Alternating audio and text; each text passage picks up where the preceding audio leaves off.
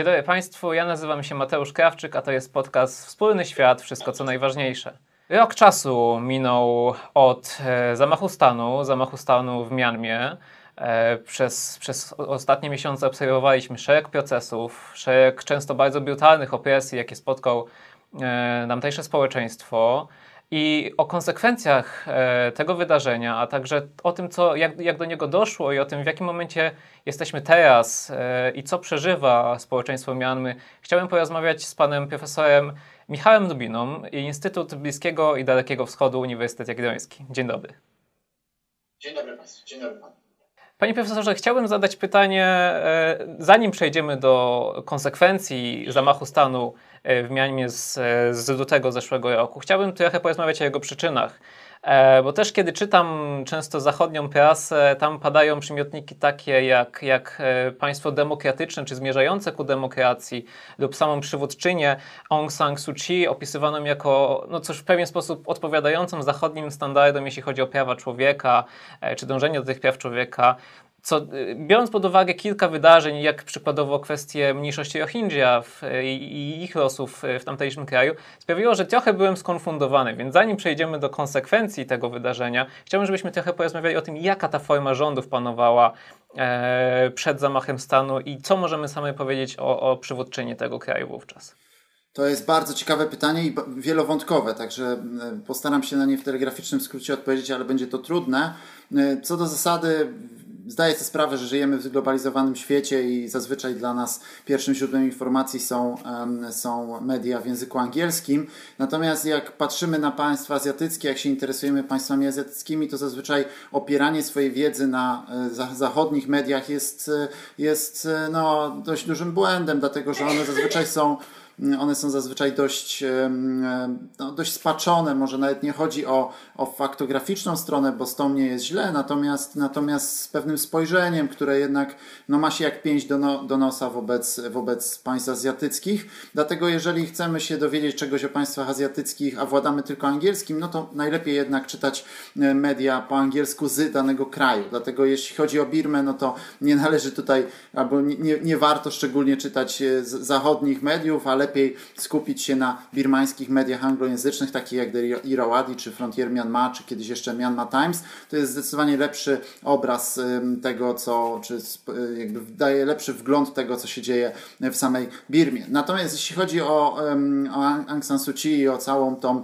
otoczkę, a może jeszcze jeden wątek, to mniej więcej tak, dowiadywanie się o Birmie z mediów zachodnich to jest mniej więcej tak, jakby ktoś się dowiadywał o Polsce z mediów zachodnich. No to jakby wiemy, że tak powiem, czym się to może skończyć. Także, także y, jakby, jeżeli przyłożymy tą samą soczewkę do, do Birmy, no to zrozumiemy, dlaczego nie warto tutaj mm, y, jakby, w ten, jakby z tej perspektywy patrzeć. Natomiast tak, jeżeli chodzi o Aung San Suu Kyi, on jest klasycznym przykładem tego, jak Zachód nic nie rozumie, czy nie rozumiał. Najpierw Zachód przez ponad 20 lat ją deifikował, y, robił z niej bóstwo, robił z niej świętą buddyjską, robił z niej chodzącą personifikację deklaracji praw człowieka, to ostatnie to jest wręcz cytat i uważał, że ona jest w ogóle wspaniała. Mam taką osobistą kolekcję różnych głupot zachodnich wypisywanych o Aung San Suu Kyi, e, w których właśnie pisano, że jak ona tylko dojdzie do władzy, to po prostu będzie teraz natychmiast będzie wszystko się poprawi, w ogóle nie będzie żadnych problemów, a w ogóle to, to, jest, e, to jest wiadomość dla naszej planety, tak? To jest, to jest, ona e, wprowadzi lepszą, bardziej uduchowioną formę demokracji, pisał taki jeden uduchowiony zachodni buddysta. Także, także generalnie przez 20, konkretnie 23 lata Zachód e, e, robił tutaj kołtą wobec Aung San Suu Kyi. No a kiedy ona doszła do władzy i okazało się, że, że rządzenie krajem, że, mm, e, no, że jakby codzienność jest dużo bardziej szara, nie, czarno, nie czarno-biała, tylko szara, i że, i że tak naprawdę polityka to, cytując Bismarcka, sztuka tego, co możliwe i nagle okazało się, że Aung San Suu Kyi musi iść na mniejsze lub większe kompromisy, z których największym, y, przynajmniej międzynarodowo, bo niekoniecznie w samej Birmie, była, była kwestia Rohingya, no to nagle Zachód się obraził. Ja, jak to w ogóle? Jak ona śmiała się w ten sposób zachowywać? Jak ona śmiała się w ogóle y, nie być według tej modły zachodniej? No i zrobiło się odwrotnie, to znaczy wcześniej Zachód ją deifikował, wcześniej mówił, że ona jest piękna, wspaniała, cudowna, niezawodna, a po 2017 roku nagle się Zachód zaczął krzyczeć, że ona jest zdrajczynią, że ona jest w ogóle upadłą ikoną, że ona jest w ogóle mm, tutaj zdradziła ideały i w ogóle przyłożyła rękę do ludobójstwa. Także jedna i druga narracja była absolutnie niepoważna. Najlepiej to podsumował jeden weteran birmanista australijski Andrew Self, który nazwał tych wszystkich dziennikarzy, którzy najpierw wielbili tą Aung San Suu Kyi, a następnie ją potępiali, że oni się zachowali jak odtrąceni kochankowie. Dlatego, że Aung San Suu Kyi z tymi dziennikarzami zachodnimi właśnie zrobiła e, coś takiego, że ich najpierw owinęła wokół palca, oni przez ponad 20 lat służyli jako jej de facto bezpłatna agencja PR, a następnie a następnie oni się zorientowali, że, że zostali wykorzystani i z taką furią właśnie odtrąconego kochanka zaczęli tą Aung San Suu Kyi bić. No i dlatego nie ma większego sensu y, jakby y, przejmowaniem się y, opiniami zachodnich mediów. Dużo lepiej jest czytać birmańskie. Natomiast jakie były rządy Aung San Suu Kyi? No i tu jest już trudniejszy wątek. Formalnie to system polityczny, który panował w Birmie do zamachu stanu z 1 lutego 2021 roku miał przeuroczą nazwę zdyscyplinowana demokracja. I ta przeurocza nazwa została wręcz wpisana do konstytucji. Dlatego, że jeżeli spojrzymy na, na, na najnowszą historię polityczną Birmy, no to widzimy to, że, że tak naprawdę generałowie e, wojsko w Birmie rządziło od, nie, od 1962 roku. Wcześniej rządziło jeszcze między 58 a 60, ale wtedy na chwilę oddało władzę.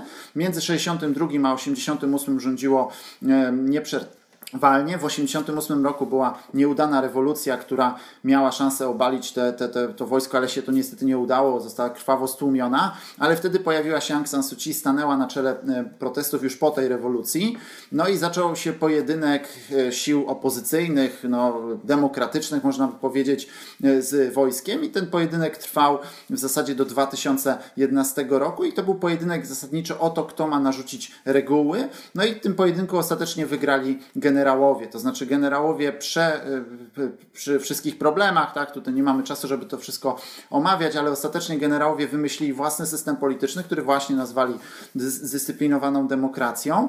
Stworzyli ten system polegający na tym, że, no, że w idealnej sytuacji to byłby rząd wojskowy, który byłby ubrany w szaty demokratyczne czy cywilne, no i dzięki temu miałby legitymizację zarówno wewnętrzną, jak i zewnętrzną, no a w najgorszym razie wojsko byłoby w stanie kontrolować jakikolwiek jakikolwiek inny rząd cywilny. No i e, w ramach tego najpierw e, napisano konstytucję w 2008 roku, następnie w 2010 odbyły się wybory. No i w tych wyborach wygrała partia prowojskowa i generał Thein Sein został prezydentem i zaczął wprowadzać ogromne reformy. I to był ten moment, w którym Aung San Suu Kyi, która do tej pory była bardzo, bardzo sprzeciwiała się generałom, walczyła z nimi, między innymi za pomocą Zachodu, tej owinięcie zachodnich dziennikarzy wokół palca, to właśnie było spowodowane tym, tym tym, tą jej taktyką polityczną. Ona miała taką wersję ulicy i zagranicy, to znaczy chciała obalić generałów zarówno protestami, jak i, jak i za granicą i to się nie udało. To znaczy nie udało się obalić generałów, no i po tych 23 latach daremnej walki Aung San Suu Kyi się zorientowała, że się nie udaje, czas leci no i, i trzeba zmienić taktykę. W efekcie Suu Kyi zaczęła bardzo inteligentną taktykę grania z generałami na ich boisku. Ona zaakceptowała formalnie ten system zdyscyplinowanej demokracji, a ten system jeszcze może jeszcze jedno, on każdemu rządowi cywilnemu, który był niewojskowy, no dawał tak naprawdę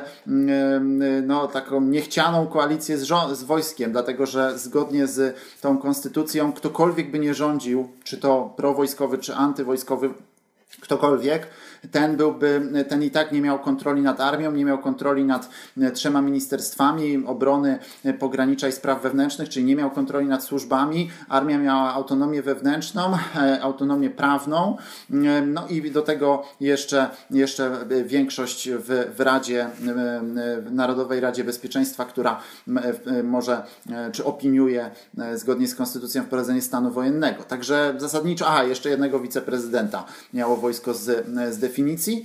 Do tego miało również mniejszość blokującą konstytucję, zmiany konstytucji w parlamencie, dlatego że 25% miejsc w parlamencie było z jakby przyznawanych wojsku, czyli każde wybory w Birmie toczą się o 75% miejsc w parlamencie, reszta jest dezygnowana przez, e, przez wojsko, ale oczywiście ci, e, ci, parlament, ci posłowie uczestniczą, czy parlamentarzyści, bo to w obu izbach, e, uczestniczą w, we wszystkich głosowaniach. Także, także zasadniczo było to bardzo nierówne wojsko, w którym zdecydowaną przewagę mieli wojskowi. Oni grali u siebie, mieli swój stadion, swoją, swoją drużynę, jeszcze swojego sędziego tak naprawdę, więc, więc tak na dobrą sprawę był to mecz E, ten, ten, ten pojedynek polityczny w Birmie to był niczym mecz, w którym jedna drużyna ma przeciwko sobie drugą i sędziego i jeszcze stadion i, i, i tak na dobrą sprawę bardzo trudno jest grać, ale mimo wszystko Aung San Suu Kyi grała na tym boisku i wygrywała z generałami.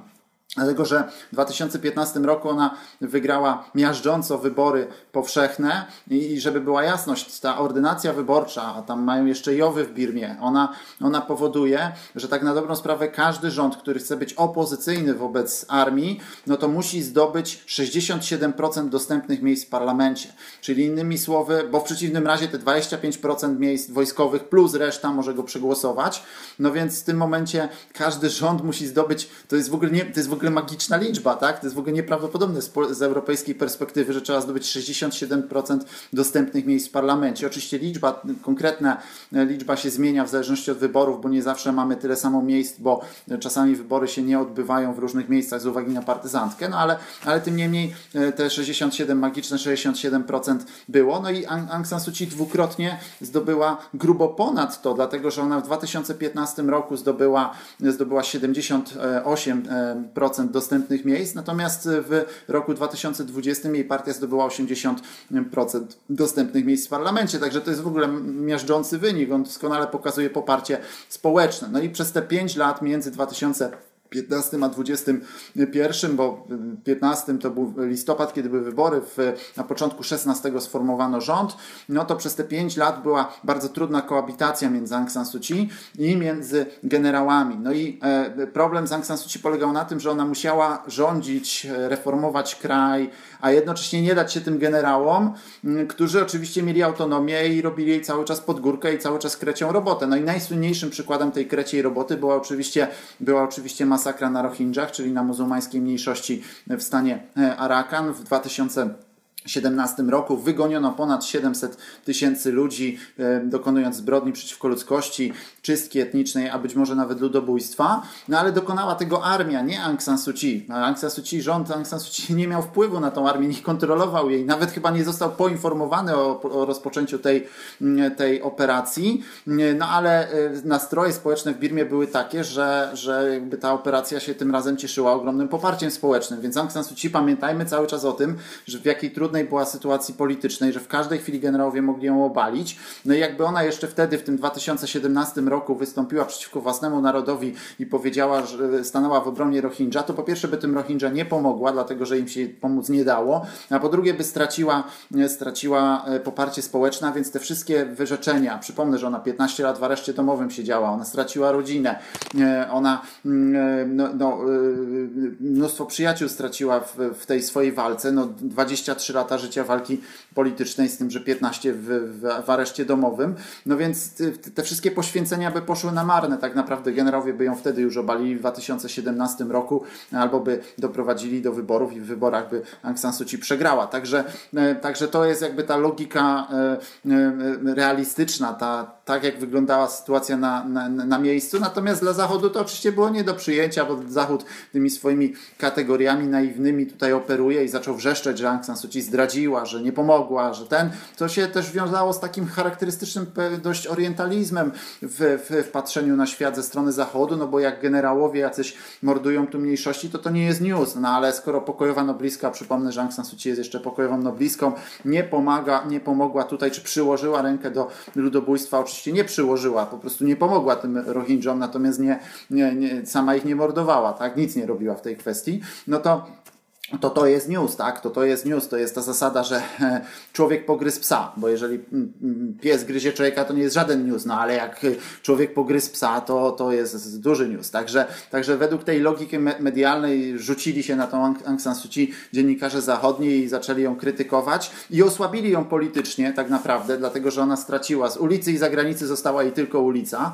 E, i tak na dobrą sprawę nie miała już w tym momencie poparcia zagranicy, no i została sama z tymi generałami no i przy pierwszej okazji generałowie ją obalili na początku 2021 roku. 1 lutego konkretnie dokonali czwartego zamachu stanu. To był oczywiście wynik tego, że znowu przegrali w wyborach. No już nie mogli tego znieść, dlatego że tak na dobrą sprawę Aung San Suu Kyi dokonała rzeczy bardzo trudnej. Ona na tym boisku generałów, przy, przy tych wszystkich e, e, utrudnieniach, ona wygrywała ten mecz z, z, z generałami. Ona była w stanie ich, ich, ich pokonywać. No i oni tego nie byli w stanie znieść, no więc ten skorumpowany sędzia E, wszedł, odgwizdał spalonego e, i powiedział, że nie ma bramki, chociaż została prawidłowo zdobyta, czyli ten, te wybory. Powiedzieli, generałowie powiedzieli, że były sfałszowane, co jest oczywiście kłamstwem jawnym. No i efekt tego był taki, że przejęli siłowo władzę, dokonali puczu e, w, w tego 1 lutego 2021 roku, no i zakończyli, zgasili światło, tak naprawdę zakończyli eksperyment demokratyczny, skończyła się zdyscyplinowana demokracja.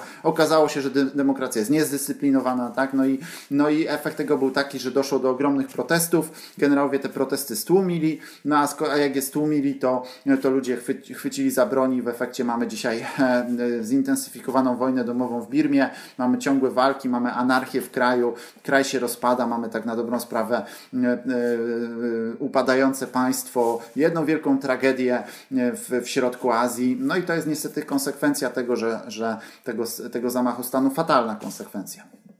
Porozmawiajmy właśnie chwilę o, o teraz o tym społeczeństwie, bo rzeczywiście ten charakter puczu wojskowego, który e, zdarzył się w Birmie, no był rzeczywiście wyjątkowy, biorąc pod uwagę to, co pan profesor powiedział o kwestii w, w potencjału czy siły e, wojska w Myanmie. To w pewien sposób niestandardowy pucz wojskowy, to jest pewien od, odebranie ponowne kontroli wojsk, wojska, natomiast oczywiście no, obserwowaliśmy przez ten rok zarówno procesy sądowe, natomiast obserwowaliśmy przede wszystkim e, protesty społeczeństwa, bardzo silną wolę, bardzo silną determinację.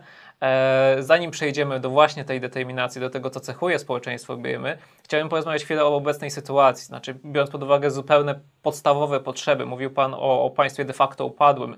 Co się dzieje z edukacją, co się dzieje z potrzebami społecznymi, z, z życiem jako takim e, w, w Birmie? Birma dostała dwa silne ciosy w ostatnich dwóch latach, czyli COVID i zamach. To, to te, te dwa ciosy ją właściwie powaliły na kolana. E, jakkolwiek COVID uderzył z pewnym opóźnieniem, dlatego że początkowo, e, początkowo był e, mm, no, dość łagodnie potraktował Birmę. Zresztą rząd Aung San Suu Kyi dość dobrze sobie radził z tym COVID-em. To w dużej mierze było szczęście, ale szczęściu też trzeba umieć, umieć, umieć pomóc. No więc, więc rząd Aung San Suu Kyi sobie dobrze radził. No ale jakby wpływ, gospodarcze efekty COVID-u też uderzyły w Birmę, zaczęły się wszystkie zamknięcia odcięcia rynków i tak dalej. No a potem przyszedł zamach stanu, no i ten zamach stanu to już był, to był, to już był cios nokautujący, dlatego że, dlatego, że efekt tego nomena taki, że no, zgodnie z danymi Banku Światowego e, PKB zmniejszyło się o 18% w ostatnim roku, a gdyby nie zamach i nie COVID e, byłoby zwiększyło, znaczy to jest różnica 40%, tak? Więc, więc tu mamy, to, to, to jest jedna różnica. E, druga jest taka, że służba zdrowia która zawsze była słaba w Birmie, ale która się trochę poprawiła z Aung San Suu Kyi, teraz w zasadzie właściwie nie istnieje, dlatego że lekarze byli pierwszymi, którzy zaprotestowali przeciwko zamachowi stanu. W efekcie żołnierze zaczęli strzelać do, do do, do lekarzy. Spora część służby zdrowia e, przeszła, zaczęła strajkować. No i efekt tego jest taki, że w zasadzie nie ma, mm, e, nie istnieje służba zdrowia w Birmie obecnie.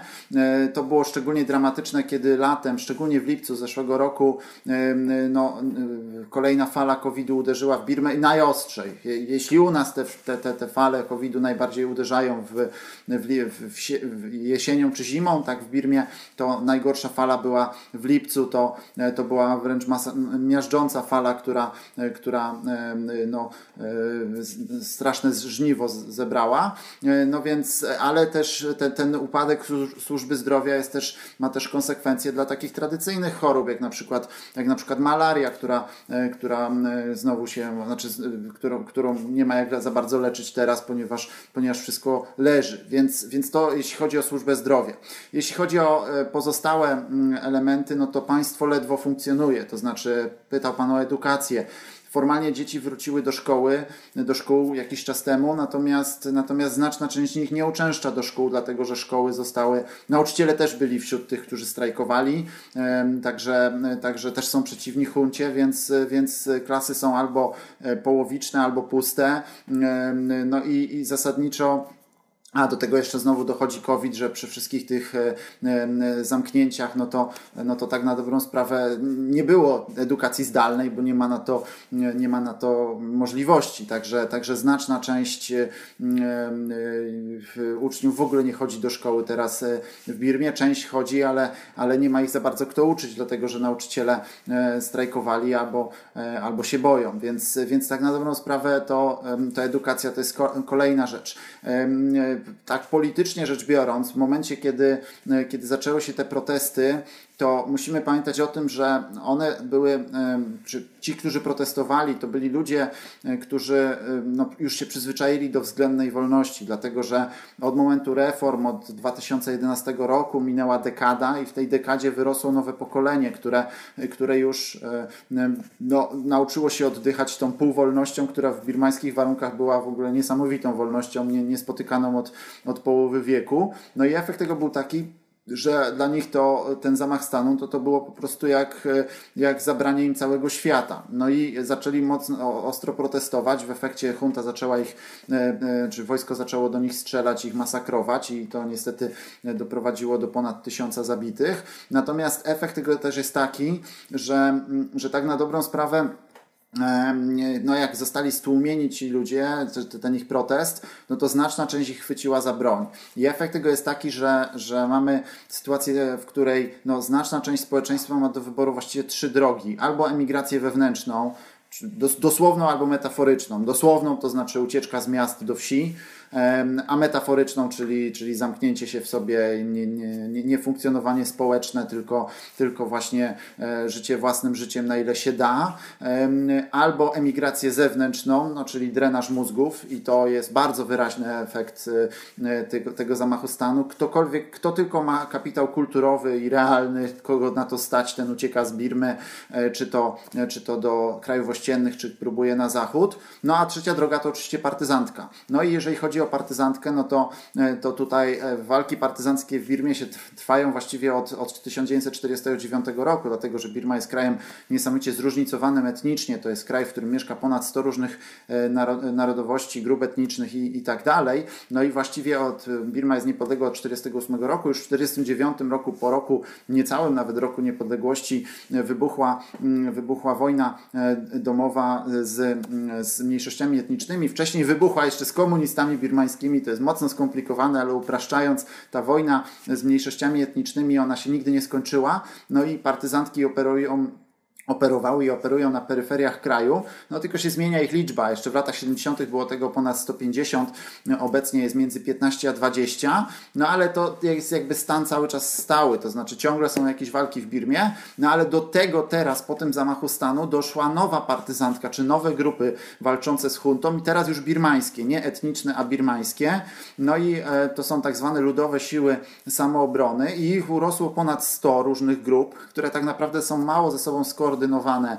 ale jeden cel, mają wspólny, czyli walka z huntą. No więc tak na dobrą sprawę mamy jakby dwa, dwie płaszczyzny tej wojny domowej w Birmie. Z jednej strony mamy wojnę e, e, pomiędzy wojskami birmańskimi a partyzantkami mniejszości etnicznych, a teraz z drugiej strony mamy między tymi, e, tymi bojówkami a, a, a, a, a armią birmańską, ale to powoduje jeden wielki chaos, niszczenie kraju, przemoc na ulicach, dlatego że, że armia birmańska jest zdecydowanie silniejsza. Pamiętajmy, armia birmańska ma ponad 400 400 tysięcy ludzi pod bronią. Te różne partyzantki mają w okolicach 70 tysięcy razem, a one nie są bynajmniej zjednoczone, się ze sobą też biją czasami.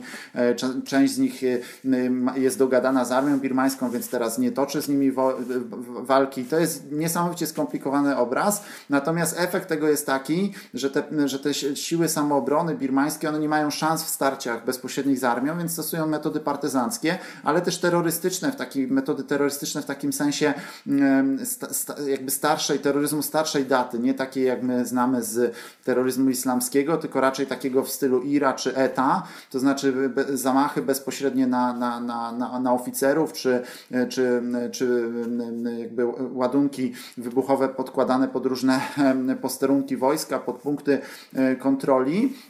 Ale oczywiście w tym też giną y, cywile, także mamy co pewien czas, czy w Rangunie, czy w innych miastach, no, regularne wybuchy, strzelaniny i tak dalej. W niektórych obszarach y, centrum kraju, na przykład w regionie Sagaing czy, czy Mague, y, mamy regularne walki między, między tymi bojówkami a, a armią birmańską. Nie liczę tutaj tych peryferiów etnicznych, bo tam walki są pewnym elementem stałym. Także, także to wszystko powoduje jedną wielką niestabilność, anarchizację kraju, wzrost grup przestępczych, E, no i, i państwo się po prostu rozpada na naszych oczach. Aha, no i bardzo ważne jest jeszcze to, że armia odpowiada na te działania, a właściwie to armia zaczęła, żeby była jasność, tak? To, to jest przede wszystkim ich wina, a, a ta, ta, ta, ta, ta jakby ta taktyka terrorystyczna tych, tych bojówek jest pewną odpowiedzią. To, to armia jest tym, która pierwsza zaczęła. No więc armia stosuje ludobójcze metody w walce z nimi, czy metody, które są zbrodniami przeciwko ludzkości. Zasadniczo armia ma taką taktykę, to jest od lat 60., to jest tak zwana taktyka czterech cięć, która nie rozróżnia między, między cywilem a, a wojskowym. To znaczy każdy jest traktowany tak samo. No i to zgodnie z prawem międzynarodowym to zbrodnia wojenna, no ale armia zasadniczo zasadniczo, jak tylko słyszy, że gdzieś są jacy, jacyś bojownicy, no to natychmiast wpada do wioski albo wszystkich wysiedla, albo wręcz morduje. Mamy tutaj kilka spektakularnych masakr, które no, są takimi trochę mini katyniami e, birmańskimi, dlatego że na przykład armia wszystkich e, mieszkańców wsi e, do, jakiegoś, do jakichś rowów zaprowadziła, rozstrzelali ich, strzelili w potylicę, a potem jeszcze podpalili te ciała. Tak? Także tego typu zbrodni mieliśmy co najmniej kilka w ostatnim roku, także Także ta, ta, ta, ta jakby taktyka armii jest absolutnie bezwzględna, no i e, no, a na to ci odpowiadają tą, e, tą, tą walką partyzancką, ale efekt tego jest taki, że państwo się rozpada, mamy coraz większą anarchię i, e, no i sytuacja jest, jest fatalna. Panie profesorze, i na sam koniec, e, jeśli chodzi o sytuację, bo ta, ona rzeczywiście jest dramatyczna, e, zarówno pod względem pewnego chaosu, jak i anarchii społecznej, a ona jest niepokojąca no, zarówno dla społeczeństwa, które, no, jak czytałem, nawet odmawia płacenia rachunków za prąd, żeby nie, nie przekazywać pieniędzy juncie. No jak i z perspektywy tej władzy, no, która de facto ma społeczeństwo całkowicie przeciwko sobie. E, jak pan uważa, w, jaki, w jakim kierunku będzie się ta sytuacja rozwiązywać? Czy mamy, mamy, mamy szansę na jakieś sankcje międzynarodowe? Czy jakikolwiek sposób do tego, żeby, no cóż, Myanmar wróciła na, e, czy przeszła na te tory, w którym no, społeczeństwo ma swoją reprezentację? No to odpowiem najpierw cytatem z André Gide, Gida, a mianowicie wszystko już zostało powiedziane, ale skoro nikt nie słuchał, można mówić od nowa. No więc y, sankcje już przerabialiśmy. Y, to, to, to jest wątek, który w kwestii birmańskiej y, istnieje od 1988 roku, kiedy stłumiono poprzednią rewolucję. No i sankcje zachodnie przez ponad 20 lat marzono, że te sankcje zachodnie tych generałów obalą. No i nic takiego się nie stało. To znaczy okazało się, że sankcje zachodnie nie, nie, nie są w stanie obalić generałów, bo cytując polskiego klasyka z kolei rząd się sam wyżywił. No i ponownie mamy sytuację, w której rząd wojskowy się sam wyżywi. I teraz pytanie, skąd się wyżywi? Otóż e, po pierwsze generałowie mają, e, znaczy do sankcji się nie przyłączyli sąsiedzi azjatyccy i dalej się nie przyłączają, e, a gro dochodów ze sprzedaży gazu na przykład, ale ze sprzedaży również jadeitów czy, czy innych dóbr materialnych. Tak generalnie birmańska polityka gospodarcza jest bardzo prosta, by nie powiedzieć prymitywna, to znaczy cokolwiek ta ziemia birmańska nie dała, to oni to sprzedają, tak, czy, czy, czy e,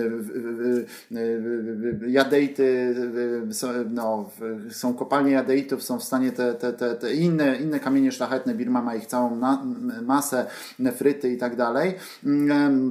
E, więc e, e, szafiry i tak dalej, więc, więc to jest jedna rzecz. Wycinanie lasów tekowych, czy właśnie, czy właśnie wydobycie gazu, no to cokolwiek ta ziemia birmańska nie dała, to oni to sprzedają azjatyckim sąsiadom, no i stąd mają pieniądze i pieniądze mieć będą, dlatego że, że bynajmniej Chiny, czy Indie, czy Tajlandia nie zamierzają sankcjonować generałów i dopóki się to nie zmieni, to jakiekolwiek sankcje zachodnie to będzie, to będzie sobie takie samo oszukiwanie się, to, to, to jest takie typowe zachodnie takie moralne tutaj y, wzmożenie, że tutaj coś robimy tymi sankcjami, obalimy reżim i tak dalej, no ale to niestety niewiele daje, dlatego że ten reżim jest gospodarczo właściwie niezależny od Zachodu, więc, więc y, się mogą generałowie śmiać w twarz y, tym politykom zachodnim. Także, także tu jakby zagranica ma mały wpływ. To już też przerabialiśmy z Aung San Suu Kyi, tak? Ulica i zagranica. No i nie udało się. Ani jedno, ani drugie nie, nie było w stanie obalić generałów. No i teraz teraz w ulicy jest większa nadzieja, e, to znaczy rzeczywiście junta ma przeciwko sobie niemal całe społeczeństwo. Myślę, że procent popierających generałów to jest w okolicach między 5 a 7% społeczeństwa, a cała reszta jest przeciw. Także mamy między, między w okolicach 95% społeczeństwa przeciw. Natomiast generałowie w tej sytuacji, takiej sytuacji to rządzą od 30 lat, więc 30 lat byli w stanie rządzić samą nagą siłą, no i w efekcie no i byli w stanie utrzymać tą władzę władzę, więc, no więc y, jakby no, najbardziej prawdopodobne jest, że będą dalej w stanie ją utrzymać. No ale y, y, jakby obecnie sytuacja jest nawet gorsza niż to jak ci generałowie wcześniej utrzymywali władzę, bo wcześniej było tak, że była ta brutalna władza, ale przynajmniej jakoś to wszystko funkcjonowało. No nie najlepiej, te państwo było w takim sobie stanie, ale teraz, ponieważ mamy tyle tych partyzantek, tyle tej walki, no to mamy tak na dobrą sprawę anarchię i, e, i ta anarchia jest jeszcze gorsza dla ludzi niż ta tyrania. To jest, to jest chyba najgorszy, najgorszy i najsmutniejszy paradoks tego wszystkiego, że te, ta, ta, ta, ta władza wojskowa, ta paskudna władza wojskowa, nieudolna, okrutna, ludobójcza momentami, jest, y, je, to, to, to, to, to, to, anarchia jest jeszcze gorsza od niej, tak? Także to, to jest chyba najgorsze w tym wszystkim, co jest. Natomiast y, y, politycznie rzecz biorąc, Birma obecnie to jest, to jest birmańska wersja leninowskiego kto kogo. To znaczy wojsko chce wytłuc te wszystkie, te wszystkie bojówki, chce, chce ich wszystkich wymordować, zastraszyć całe społeczeństwo, a następnie dogadać się z partyzantami z mniejszości etnicznych no i, i jak już to zrobi, to wtedy zrobią taką wersję, wersję Tajlandii, to znaczy e, e, szef sztabu czy, czy głównodowodzący wojskiem, czyli generał Minon Naim przebierze się w cywilne stroje, zrobią wybory, w których wezmą udział tylko partie dopuszczone przez komisję wyborczą obsadzoną przez generałów, no i w efekcie będzie można udawać, że, że jest już demokracja. Tak jest w Tajlandii. Generał Prajut Czanocza przecież jest obecnym premierem, a to jest człowiek, który też dokonał zamachu stanu, obalił rządy demokratyczne i, i wszystko gra. I oczywiście jest ta różnica, że w Tajlandii jest formalnie król, to, to, to, to, to dekorum jest inne trochę i łatwiejsze do, do utrzymywania. Natomiast, natomiast co do zasady będzie tak samo. No więc to jest jedna możliwość i mimo wszystko ona jest bardziej prawdopodobna. Mm, no a druga możliwość jest taka, że suma tego, tej, tych wszystkich e, ataków, te, te, tego wymówienia posłuszeństwa generałom przez społeczeństwo, czyli, czyli że no, pójdzie do, do, do lasu czy do dżungli w tym wypadku, do podziemia na tyle dużo osób e, i dostaną na tyle dużo sprzętu jeszcze, e, że w końcu złamią tą huntę. To znaczy, że będzie na tyle dużo tych partyzantów i będą na tyle silni, że w końcu ta armia pęknie. I to nawet nie o to chodzi, że się tą armię da pokonać militarnie, bo się ich nie da pokonać w tym sensie, że tu mamy ponad 400 tysięcy żołnierzy pod bronią, tu mamy 70 tysięcy. No ale jakby te 70 tysięcy zaczęło ich atakować z wszystkich możliwych stron, no to jest szansa na to, że część generałów dokona kontrpuczu, obali obecne kierownictwo i dogada się z tymi partyzantami, co się da zrobić oczywiście, bo wtedy wychodzi jeden czy drugi generał i mówi, że to jest wszystko wina tych kilku puczystów, tych, tych tutaj zdrajców, a tak w ogóle to armia z narodem i armia jest dobra, tylko ci tutaj, ta klika jest zła i my ich albo teraz e, osądzimy, albo ich wygnamy za granicę i będziemy mogli e, negocjować od nowa. I to jest oczywiście możliwe, natomiast do tego jest potrzeba, żeby ta armia pękła wewnętrznie, to znaczy, żeby się tam znaleźli generałowie, którzy będą kontrpuczystami.